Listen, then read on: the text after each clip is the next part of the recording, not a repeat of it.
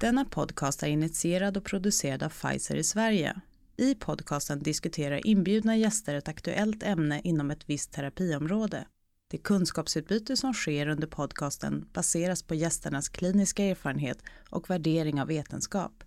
Pfizer lämnar inte några rekommendationer eller råd i podcasten och tar inte heller ställning till de råd eller rekommendationer som diskuteras av de inbjudna gästerna.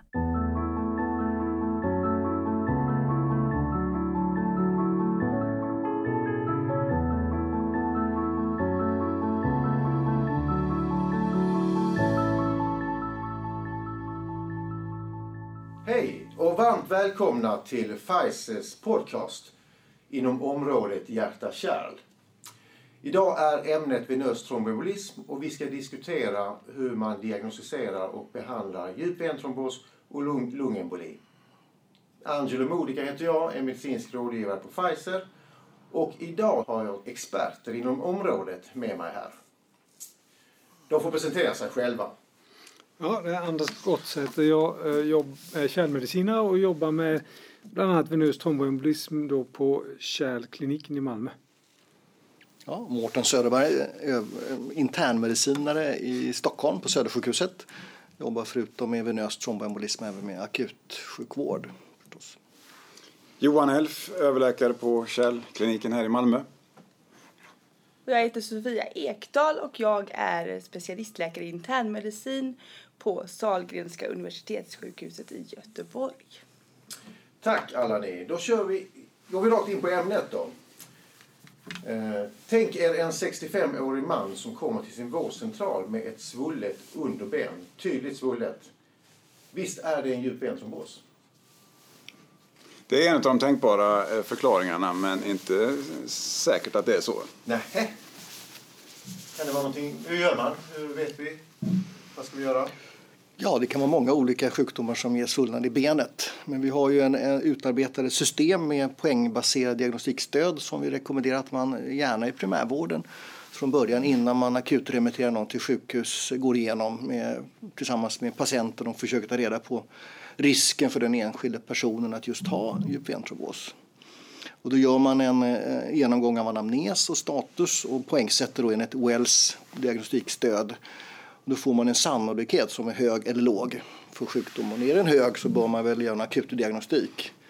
Det ser ju naturligtvis olika ut på olika ställen i landet hur man gör. Man kan hänvisa till akutsjukhus eller kanske sköta diagnostiken där man sitter beroende på vad man har för möjligheter förstås. Eh, sen så kan man förstärka diagnostiken genom eh, DDMR-provtagning om man har låg sannolikhet enligt det här poängstödet och använda sen det resultatet. Och man kan ta det redan lokalt där man jobbar. Det kan vara väldigt eh, bra att göra det om det finns en bra möjlighet och ett akkrediterat kemlabb involverat. Eh, är det då en låg sannolikhet på skåret och låga DDMR-nivåer så ska man nog leta efter någon annan diagnos i första hand. Det är så vi försöker jobba. Så att undvika akut remittering av patienter med låg sannolikhet och låga DDMR till akutsjukhus. Mm. Och det, och det har man ju också tittat på det där. Vad är det då, då om det nu trots allt inte är en djup ventrombos? Och, och det har jag läst en studie på. Och då är det ändå ganska många som har eh, någon form av venös orsak till svullnaden. Bland annat då en kronisk venös insufficiens eh, med läckande klaffar till exempel. Eh, eller en tromboflebit, en ytlig eh, venblodpropp. Ehm, Muskelsträckning, muskelinflammation är andra ganska vanliga differentialdiagnoser.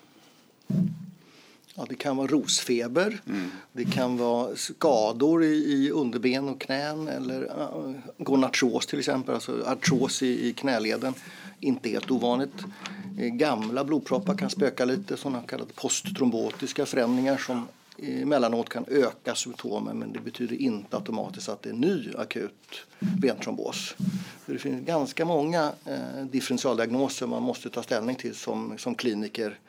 Eh, och det är, det är både lätt och svårt samtidigt det där. Och vad jag minns då i den här Wells score eh, så fanns det som man kunde dra av poäng också om, man, om annan diagnos var sannolik. Stämmer det? Ja, då får man dra av två poäng, minus två. Om man som kliniker bedömer att jag har en rimlig förklaring till patientens symptom så ska, så ska jag dra av de poängen från skåren och undvika att eh, utreda som djup ventrombos om jag känner mig säker på att det här inte är DVT. Så det låter som att man ska ha lite is i magen i början och ta en, en riktig anamnes och status innan man bestämmer sig för vad det här är. Absolut. Ja, anamnes och status kombinerat med det här diagnostikstödet som Mårten pratar om och bilddiagnostik om man då har hög sannolikhet. Det viktigaste differentialdiagnosen att utesluta är väl att patienten har en blödning i vaden så eftersom det skulle vara katastrofalt att behandla en sån patient för en djupventrombos. Absolut. Mårten, du sa någonting om eh, låg sannolikhet eh, på Wells score. Det, det, vad jag minns så var, är det två poäng och lägre? Två poäng och lägre är låg sannolikhet.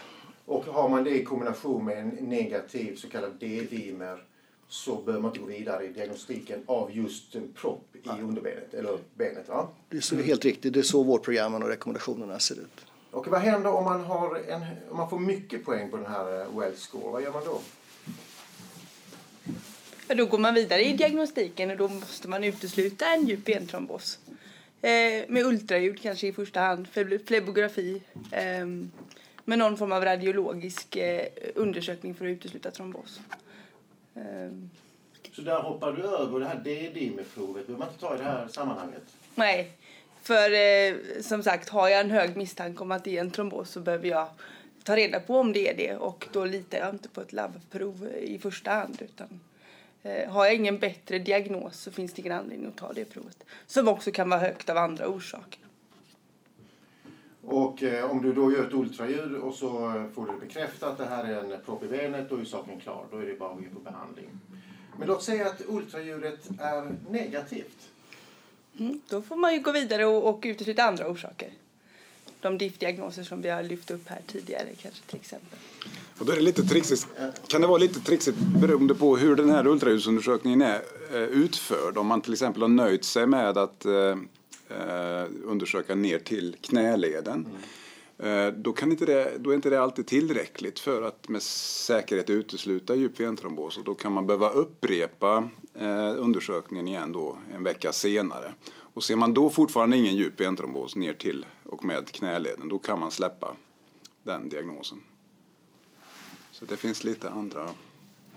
Det låter som en eh, bra idé. Men om låt säga att du står där då och du, du, du, du förstår inte det här. Du tycker inte alls det stämmer. Det, det skulle ju vara en propp tyckte du med anamnesen, status och well score. Kan du göra på ett annat sätt än ultraljud om du skulle vilja veta idag? Man, eh, man kan då göra ett fullständigt ultraljud av venerna i benet och den eh, undersökningen är ju lika säker som en flebografiundersökning eh, för att bekräfta eller utesluta diagnosen. Så då har man drivit det så långt man kan i princip. Sen undrar jag om det finns någon... Eh, om man hamnar i det läget att man har negativt ultraljud. Patienten är på akuten så man har tillgång till allt möjligt där. Finns det anledning att ha en D-dimer då? Det där är alltid spännande diskussioner när man ska använda DDMR och på vilket sätt och hur ofta. Och mm, vi har erfarenhet av att försöka undvika att ta DDMR extra. För det, det är svårtolkat ibland. Man kan ha förhöjda värden av många olika anledningar. Bara av hög ålder, av skador, av infektioner. Och då är det lite risk att det blir överdiagnostik. Eh, överundersökningar. Men det är inte helt självklart vad man ska göra. Men Man har väl, jag tror inte man skulle, om du har ett negativt ultraljud så skulle du visa att patienten skulle ha positiv eh, fynd på DDM. Jag tror inte det skulle leda till behandling för djup ventrombos. Så man ställer väl bara till det mer för sig. Är man tveksam med sin ultraljudsdiagnostik så följer jag Johans förslag komplettera med en flebografi. Har man negativt där också sen får man väl ge sig. Men då säger röntgenläkaren till dig, ja men jag har ju gjort ett ultraljud, jag har ingenting.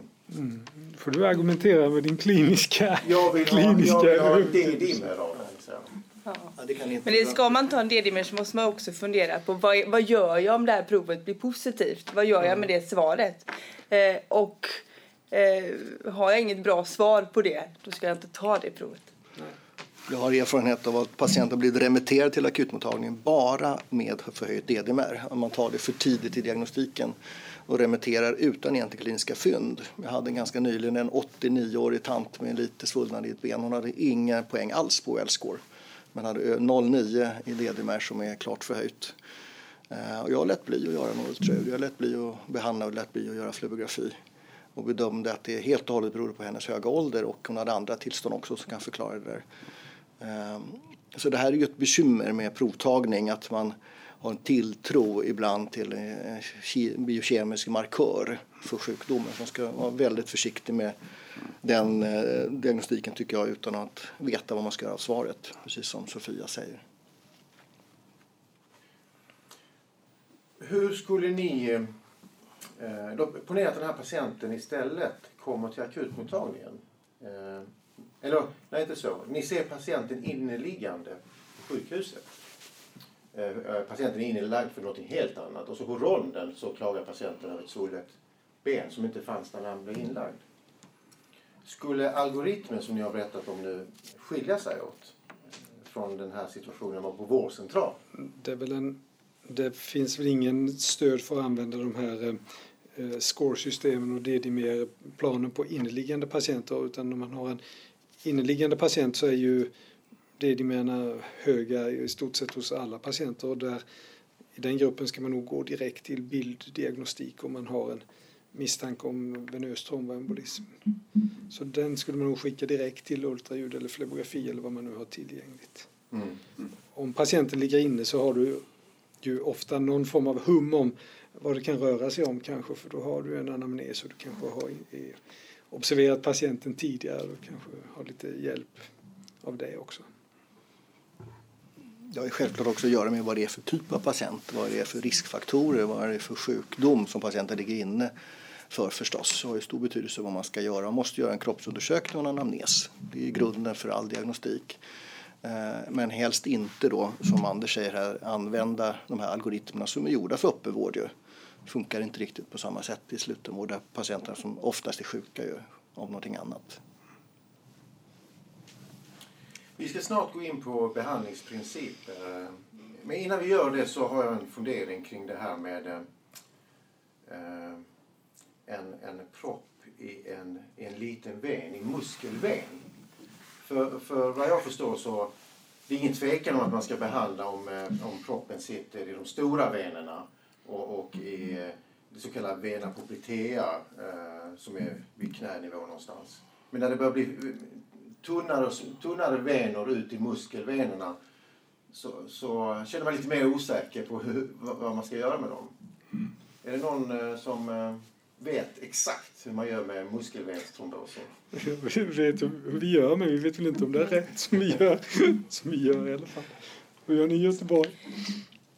Um, det är väl mycket beroende på vad patienten har för symptom av det. Har de uttalade symptom av det så tenderar vi till att behandla. Har de inte det så kan man ju tänka sig att man då, om man nu lyckats diagnostisera den här muskelvenstrombosen utan symptom, man kanske väntar och ser vad som händer utan behandling. Eh, men med uttalade symptom så jo, då tenderar vi ju ändå att behandla. Ja, det gör vi också. Och på samma sätt om det är helt oprovocerat hos en patient med en cancersjukdom till exempel, då tycker jag det är svårt att undvika att behandla. För då tror jag det är ganska stor sannolikhet att det kommer ta sig in i det djupa systemet och riskera att ge lungemboli. Så att man får skilja lite grann. Men det var en pågående riskfaktor som ja. trea kanske ja. till fortsatt ja. utveckling. Ja. Ja, vi resonerar naturligtvis på, sam på samma sätt. Det är någon anledning till att patienterna kommer till diagnostik. Ja. Oftast är det symptom som har drivit diagnostik eller någon, någon annan anledning som gör att man varför har man gjort ett ultraljud? Och då måste man ta ställning när man har det här fyndet och titta på den enskilda patienten. Vad är det för risker hos den här personen? Risk med behandling finns det, men det är också risk att låta bli att behandla och det måste man bedöma. Och det är en, eh, en delikat uppgift ibland att avstå behandling men det är lika tokigt ibland att ge behandling om det inte behövs. Så det är inte självklart för, just bara för diagnostik. Alltså den här diagnosen muskelvenstromos man måste titta på människan och riskfaktorerna. Som Sofia, du sa att man skulle kunna avvakta. Eh, då kanske du också menar att man skulle kunna göra ett nytt ultraljud efter en vecka som Johan var inne på innan. Precis. Händer det någonting ju, här? Ja, det är klart. Då måste man ju följa upp ja. det. Och har patienten inga symptom från början kan man ju inte följa det utan då måste man ju på någon form av radiologi eh, mm. följa förloppet. Sen finns det faktiskt en liten etisk och pedagogisk utmaning med muskelbentrombos. Att säga till en patient, ja vi har en liten trombos här men vi tänker inte behandla den. Eh, och då blir det en genast motfråga, varför inte det? Varför ska vi låta bli att behandla en diagnos som potentiellt kan progredera och bli större och potentiellt också göra en lungemboli. Så därför har vi nog en tendens att hellre behandla än inte. Om inte det är farligt med behandling förstås. Så tror jag de flesta... väl åt att ja. behandling i ja. första hand och i, i, i, i, vissa sammanhang kanske man skulle låta bli men de flesta får behandling. Ja. Mm. Det ska vara ganska starka kontraindikationer mot behandling skulle jag vilja säga för att låta bli. Eh, och då, då ska behandlingen medföra stora risker för patienten. får man väga det hela tiden mot varandra förstås. Eller alternativet som Sofia föreslår här att man följer det då med ett ja. nytt ultraljud för att försäkra sig om att det spontant att det verkligen är något. går tillbaka. Mm.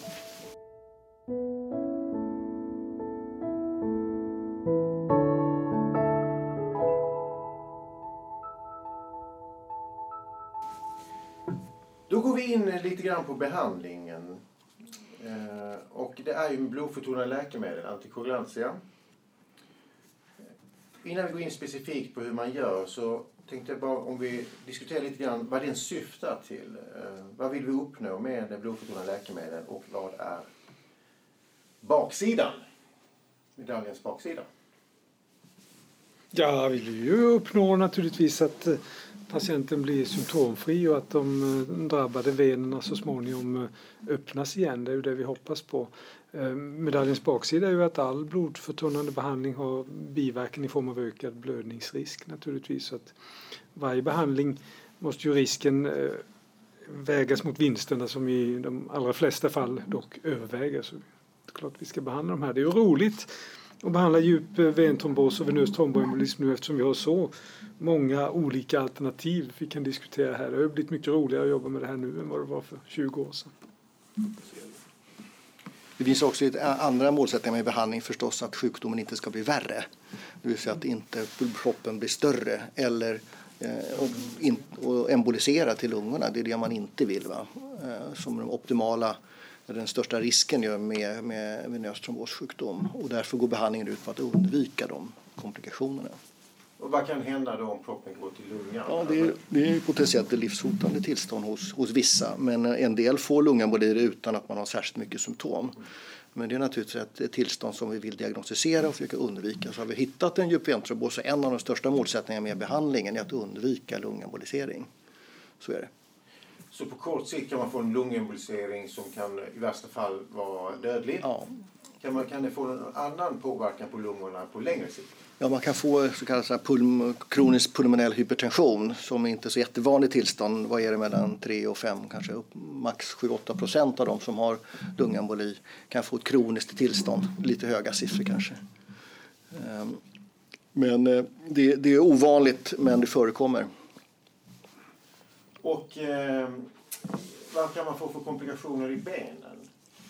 Man kan ju få venös insufficiens och dåligt återflöde helt enkelt så man får svullnad, smärta eh, och resttillstånd efter sin propp. Och det är klart att ju längre proppen har suttit, ju större den har varit, desto större är den risken. Eh, och, och därför ska man också behandla givetvis. Eh, och får man de här typen av resttillstånd så har man ju också ytterligare en ökad risk att få nya proppar eftersom att cirkulationen blir sämre. Okej, då gäller det att man får en effektiv behandling och behandlas ordentligt för att inte få de här komplikationerna. Mm, för att minska risken för att få dem. Här. Ja, minska mm. risken så, naturligtvis. Men strumpan eh, eh, som man ska ha för att minska svullnad, gör det någon nytta? Det är, väl, det är väl så att eh, om man har en svullnad i, i eh, akutskedet så kan man säkerligen ha god nytta av en kompressionsstrumpa. Men när man har testat i jämförande Eh, lite mer långsiktiga studier, kompressionsstrumpa av klass 2, så har man inte kunnat visa att det egentligen gör någon avgörande nytta vad gäller att förebygga posttrombotiska syndrom. Så det är ju en rent symptomatisk behandling, eller lindring av symptomgivande svullnad i akutskedet. För det ska man väl ändå inte förringa att strumpan i sig har en symptomlindrande effekt och, att, och även vid de här resttillstånden då att när man då kanske inte kan göra så mycket mer för att alltså patienten kan inte bli helt frisk så är strumpan ett sätt att lindra symptomen. Och har, man, har man dokumenterat posttrombotiskt syndrom eller varis eller sådana saker då ska man naturligtvis ha en strumpa. Det är klart. Då vet vi att den gör nytta om man har ett etablerat allvarligt posttrombotiskt syndrom. Då kan det till och med göra så att man kanske slipper att få de värsta komplikationerna i form av venösa bensår och så. Så då, då är den viktig. Och då ska det vara minst klass 2. Så har man en kronisk svullnad som ett resttillstånd så rekommenderar man att man ska Mm. använda strålar för att minska svullnaden och därmed risken för eh, kroniska bensår. Mm. Men vi ger inte rutinmässigt klass 2-strumpor till alla med venös trombos längre, vilket vi gjorde för några år sedan. Nej, okej. Det har vi slutat med.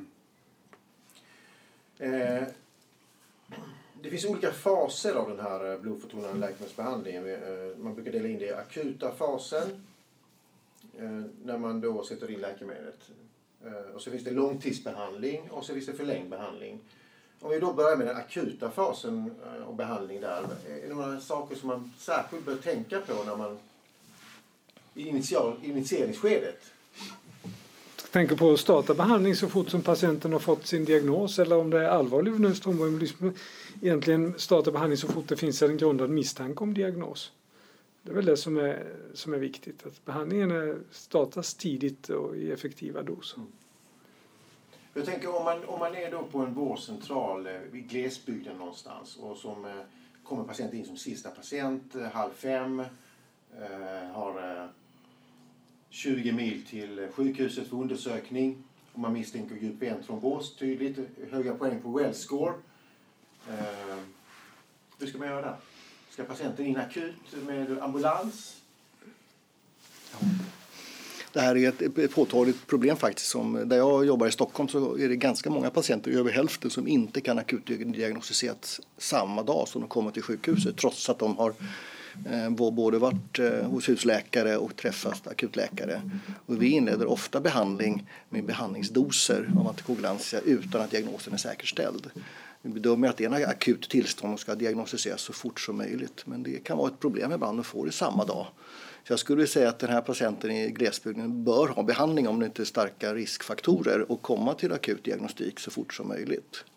Det har vi också öppnat för i vårdprogram i, i södra Sverige. Att, eh, att man ger det. Vi har rekommenderat någon form av lågmolekylär heparinpreparation eh, också senast, eh, diagnostik senast dagen efter. Dagen efter då, av rent praktiska skäl. Mm. Däremot är det väl olustigt att låta patienten gå i flera dagar under antikoagulantiabehandling innan man får diagnos. Det har ju, sådana misstag har skett och det ska man försöka undvika. Så inom något dygn är i alla fall mm. vår strävan att patienten ska få diagnostik. Mm. Vi har några enstaka som har fått behandling två, kanske två och ett halvt dygn. Eh, väldigt sällan det händer någonting allvarligt men vi försöker ju naturligtvis självklart eh, ha en så snabb diagnostik som möjligt. Men ibland är det, eh, funkar det inte av logistiska skäl samma dag. Då får man ju göra det näst bästa, att behandla eh, och sen diagnostisera efterhand. Har, har ha, hanteringen förändrats eh, i och med att de direktverkande antikoagulantia kom till hands? Ja, jag ska svara ja på den frågan. Ganska enkelt, det vill säga det finns fler alternativ än tidigare. Man kan inleda, flera av de, här nya direktverkande preparaten kan man inleda direkt eh, efter att diagnosen är satt. Vilket underlättar både för sjukvården och för patienterna. Eh, tidigare var man tvungen att kombinera lågmolekylärt heparin med varfarin och med inställningsfaser och mycket provtagning tar längre tid. Så nu finns det fler alternativ. Så det är en jättefördel. Det är en stor skillnad eh, skulle jag säga och, och framförallt tror jag att många fler patienter då kan eh, behandla sig själva i hemmet eh, och slipper att läggas in på sjukhus. Eh, Det är också en stor fördel förstås. Eftersom de slipper ta sprutor. Precis, för att det kan vara ett problem att eh, ge sig sina sprutor själv. Det är praktiskt enklare. De venösa tromboser i nedre extremiteten är ju väl etablerat att polyklinisera i Sverige sedan 20 år tillbaka. Och sånt här. Men det här har ju, de direktverkande preparaten har ju gjort det lättare att poliklinisera även patienter med komplikationer i form av lungemboli. Så att, eh, visst, eh, visst har det blivit mycket enklare och lättare att behandla med de nya preparaten. Man behöver inte ha lika mycket hjälp heller av sjuk sjuksköterskor, eller distriktssköterskor som tidigare var tvungna att komma hem till patienter trots att vi skrev ut dem med behandling så var man, många inte kunde ta behandling eller vågade inte eller tyckte att det var besvärligt. Och då var man tvungen att enga engagera eh, sjukvårdspersonal för hembesök. Och det kan vara rätt besvärligt på helger emellanåt. Så att här underlättar det betydligt. Ja, och eh, om, om man behandlar med varfarin är man tvungen att ta PK-prover. Eh, då måste sköterskan komma hem om man bor långt ifrån sjukhuset, om man bor i glesbygden, om man är gammal och kan ta sig till vårdcentralen. Så måste de... Mm. Så på så sätt vinner man också, det blir bekvämare för både patienten och, och eh, effektiva sjukvården. Hur, hur lång är den här akuta fasen? När kommer man över till eh, långt, det som kallas för långtidsbehandling? Eh, den akuta fasen är ju behandlingsfasen av en trombos. Då beror det ju lite grann på var den sitter, men 3 till 6 månader. Eh, och därefter kan man överväga att gå ner, eller ja, in i nästa fas. Då. Jag tycker det här begreppet akuta fasen det är ju inte riktigt definierat. Jag skulle håller med dig om 3-6 månader som akutfas. För det är den tid som vi i vanliga fall alltid behandlar och inte ifrågasätter mm. behandling.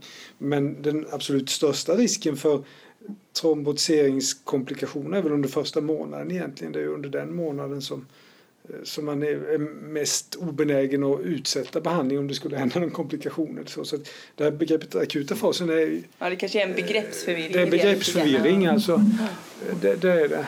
Man kan definiera också den akuta fasen som den tiden man har på sig att ta beslut om trombolys till exempel, eller kirurgiska åtgärder eller andra mer avancerade behandlingar. Det är också en del av en akut fas.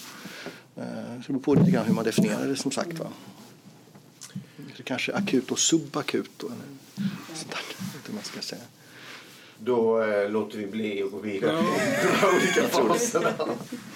Det finns inget vi kan komma överens om just det. Det har inte så stor betydelse kanske heller.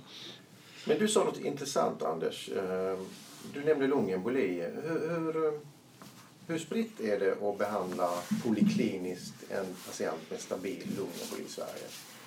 Det vet inte jag egentligen. Vi kan bara berätta hur det är hos oss i Malmö. Det har, har vi, eh, I Skåne har vi behandlat eh, under de senaste åren eh, ungefär 150 patienter som har gått hem direkt från akutmottagningen och 250 patienter som har gått hem inom mindre än ett dygn från akutmottagningen efter diagnos av lungemboli. Eh, men det är de allra sista åren det här och hur spritt det är i övriga Sverige det kan jag faktiskt inte svara på riktigt.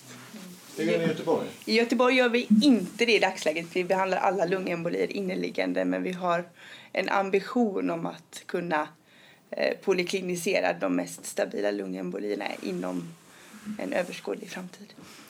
Ja, vi har ungefär samma erfarenhet i, i Stockholm att vi har inte något bra etablerat vårdprogram för eh, direkt Eh, polyklinisering, poliklinisering men vi jobbar på det och försöker hitta vägar att på säkert sätt eh, kunna inleda behandling och skriva ut direkt från akutmottagning, akutvårdsavdelning. Eh, och inom det här närmaste året tror jag att vi kommer att eh, ta till oss mer av erfarenheterna från Malmö och se till att det blir så även i Stockholm.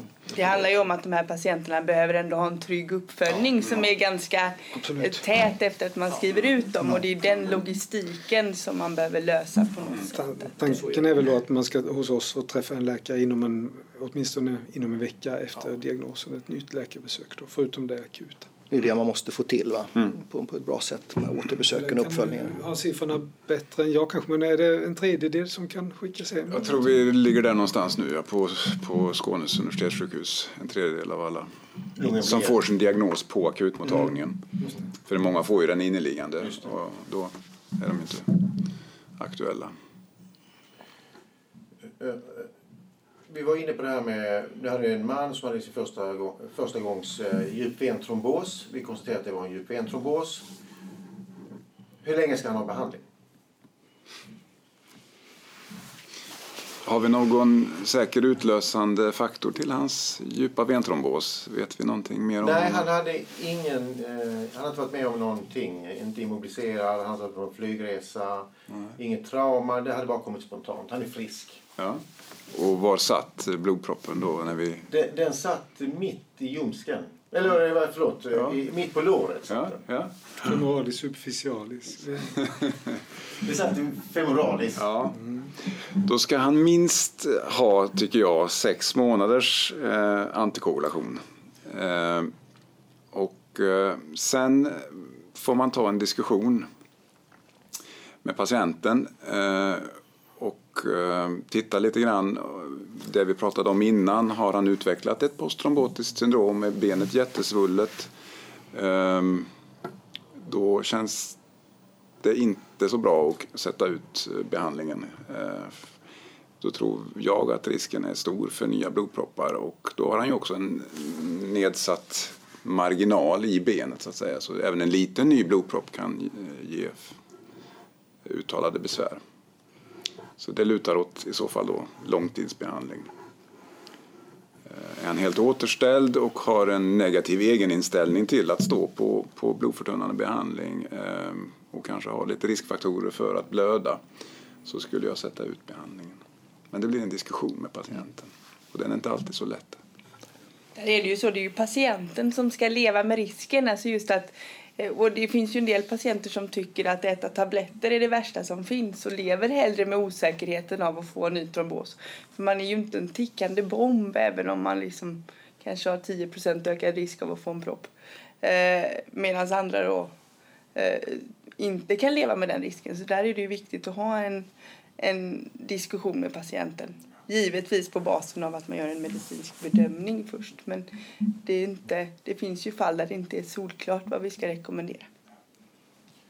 Anders, om det här hade varit en eh, provocerad efter en eh, höftplastikoperation, eh, hur länge har du behandlat då? Då är ju saken i ett klart annat läge. Hade ju, om patientens symptom hade varit under kontroll hade man slutat efter sex månader i det fallet, tycker jag. Men jag vill ändå slå ett slag för det faktum att man ska titta på patientens ben och utfråga patienten om symptom innan man tar ställning. Är, vi kör inte bara med fastlagda tider utan vi relaterar behandlingen alltid till patientens symptombild och statusfynd. Men standard sex månader i det fallet du säger. Och har det blivit så att man eh, utifrån den eh, klinisk status eh, förlänger behandlingen även om det är första gångs oprovocerad trombos? Att, att, nu pratar vi djupventrombos, inte lungemboli. Att, att, man, att man kör den tills vidare behandling. Det, det att man förlänger behandlingen, det finns ju ändå data som indicerar eller visar på att, att har man en mycket kvarstående mer kvarstående trombörda, speciellt proximala tromboser, så är det fördelaktigt att behandla. Då är det större risk för recidiverande besvär och så. Så det tror jag nog att det, att det har blivit. Mm. Och de, det är möjligt också att de, att de nya preparaten är lättare att hantera och att man då tenderar att behandla längre tid. Sofia, om den här mannen har haft en lungemboli istället, första gångs oprovocerat. Hur länge har du behandlat?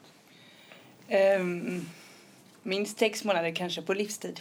Beroende på uh, symptom, var den sitter, hur symptomfri han blir. Men just för att det är en oprovocerad lungemboli um, så kan man ju överväga sex månader eller längre. Är det en massiv lungemboli han har så eh, tenderar det till att bli en längre tids behandling helt enkelt. Är det någon annan här som skulle göra på annat sätt? Ja, jag, jag vet att det här är lite man gör på olika sätt i olika delar av Sverige just här. Men just med lungemboli oprovocerat första gången, hur lång tid? Hur länge ska man? I Stockholm har vi nog den resonemanget att vi försöker att göra individuella bedömningar men följer de rekommendationerna som gäller. Sex månader är i grunden behandling med lungemboli och eh, proximala DVT. Sen förlänger man Eh, om det finns riskfaktor eller fynd. Vi gör ju ibland lite utredningar åt patienterna också. Det har vi inte diskuterat här så mycket. Att man under de här första halvåret, om det visar att patienten har en bakomliggande annan allvarlig sjukdom, som cancersjukdom till exempel, så blir det en andra beslut man får ta. Eh, och att den här trombosen kan vara en del eh, i en cancersjukdom och då blir det andra behandlingar och kanske längre behandlingar. Så det är också viktigt att veta vad som händer under det här första halvåret. Det är inte självklart att man vet det från början. Då skulle jag vilja säga. Men hur stor är recidivrisken för en um, oprovocerad lungemboli uh, hos en för övrigt frisk person? Man brukar väl säga någonstans eh, efter då de här sex månadernas behandling, om man sätter ut eh, behandlingen då så första året har man någonstans kring kanske 10 procents risk att få ett återfall det första året och sen någonstans mellan 5 och 10 procent årligen risk för ett återfall. Sen brukar man ju väga in just det faktum att, att det var en lungemboli och inte en, en blodpropp i benet. För att det verkar vara så att har man första gången insjuknat i just lungemboli så är det större risk när, om man då får ett återfall att det just blir lungemboli nästa gång också. Och då är det en allvarligare sjukdom så det väger jag in lite grann när jag sitter och gör de här bedömningarna. Så hur eh, tenderar ditt beslut bli i de här situationerna? Ja, men det är återigen en individuell bedömning och diskussion med patienten och hans egen inställning. Men, men som sagt, det lutar ännu mer åt en tillsvidarebehandling om man har haft lungemboli. Eh, Har ditt resonerande kring det här eh, förändrats sen direktverkande antikoagulantia kom då man kan gå ännu längre ner i dos än vad man kunde med varfarinet? Och därmed minska risken för blödningar. För det är en avvägning mellan att skydda mot trombos och, och inte orsaka patienten en blödning. Ja, med varfarinet försökte man ju också det att sänka doserna då efter, efter en tids behandling men, men såg genast då att då började man se återfall men blödningsrisken fanns kvar. Eh, och nu med de här eh, direktverkande så, så kan det ibland finnas patienter så där man kanske inte riktigt vet vad som är den bästa lösningen, om man ska fortsätta eller sluta och det kan man ibland då överväga och, och ge en lägre dos eh, och ha ett visst skydd.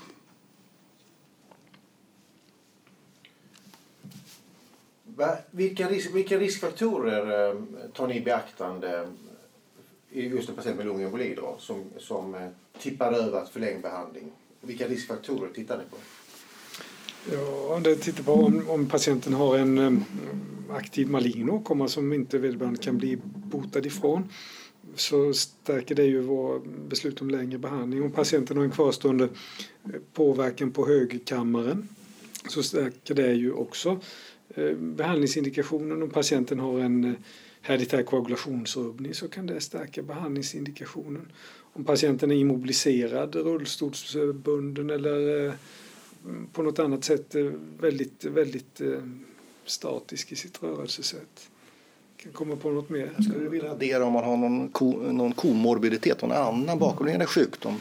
Till exempel KOL, som gör att det kan vara svårt med recidivdiagnostik. Eh, eller det kan vara kontraindikation eller svårt att få till en diagnostik. Och om man redan från början har en KOL-sjukdom eller en annan hjärt-kärlsjukdom med andfåddhet eller sådana symptom. Och då kan det vara väldigt svårt att tolka dem när, om man kommer tillbaka med recidiv. Då har jag nog en tendens att ge tills vidare behandling redan från början. Med naturligtvis eh, kontinuerliga utvärderingar. Just med tanke på att det kan vara svårt med recidivdiagnostik. Ja, både att det är svårt att, och, med dia- diagnostik men sen tänker jag också att de har ju en minskad marginal att Ja, klara absolut. en ny blodpropp Ja. då om de redan sviktar i hjärta och lunga. Mm. Och så ligger ju blödningsbenägenheten i den andra Ja, vågskålen precis. då som man också måste ta hänsyn till när man... Eh, det är ju en risk-nytta avvägning hela tiden. Så det, det, man måste eh, se patienten och försöka individualisera sina ställningstaganden. Sen är det en återkommande fråga som eh, brukar krångla till det. När ska man koagulationsutreda? Eh, under det här förloppet och vilka ska man göra koagulationsutredning på? Är det någon som eh, vill ta den här bollen? Mm. alltså det, i det, jag kan bara säga vi, i vårt vårdprogram i den södra sjukvårdsregionen har vi skrivit att eh, koagulationsutredningar eh, tillför ingenting hos folk över 50 år. Men det var väl kanske vi var 50 år när vi skrev det då.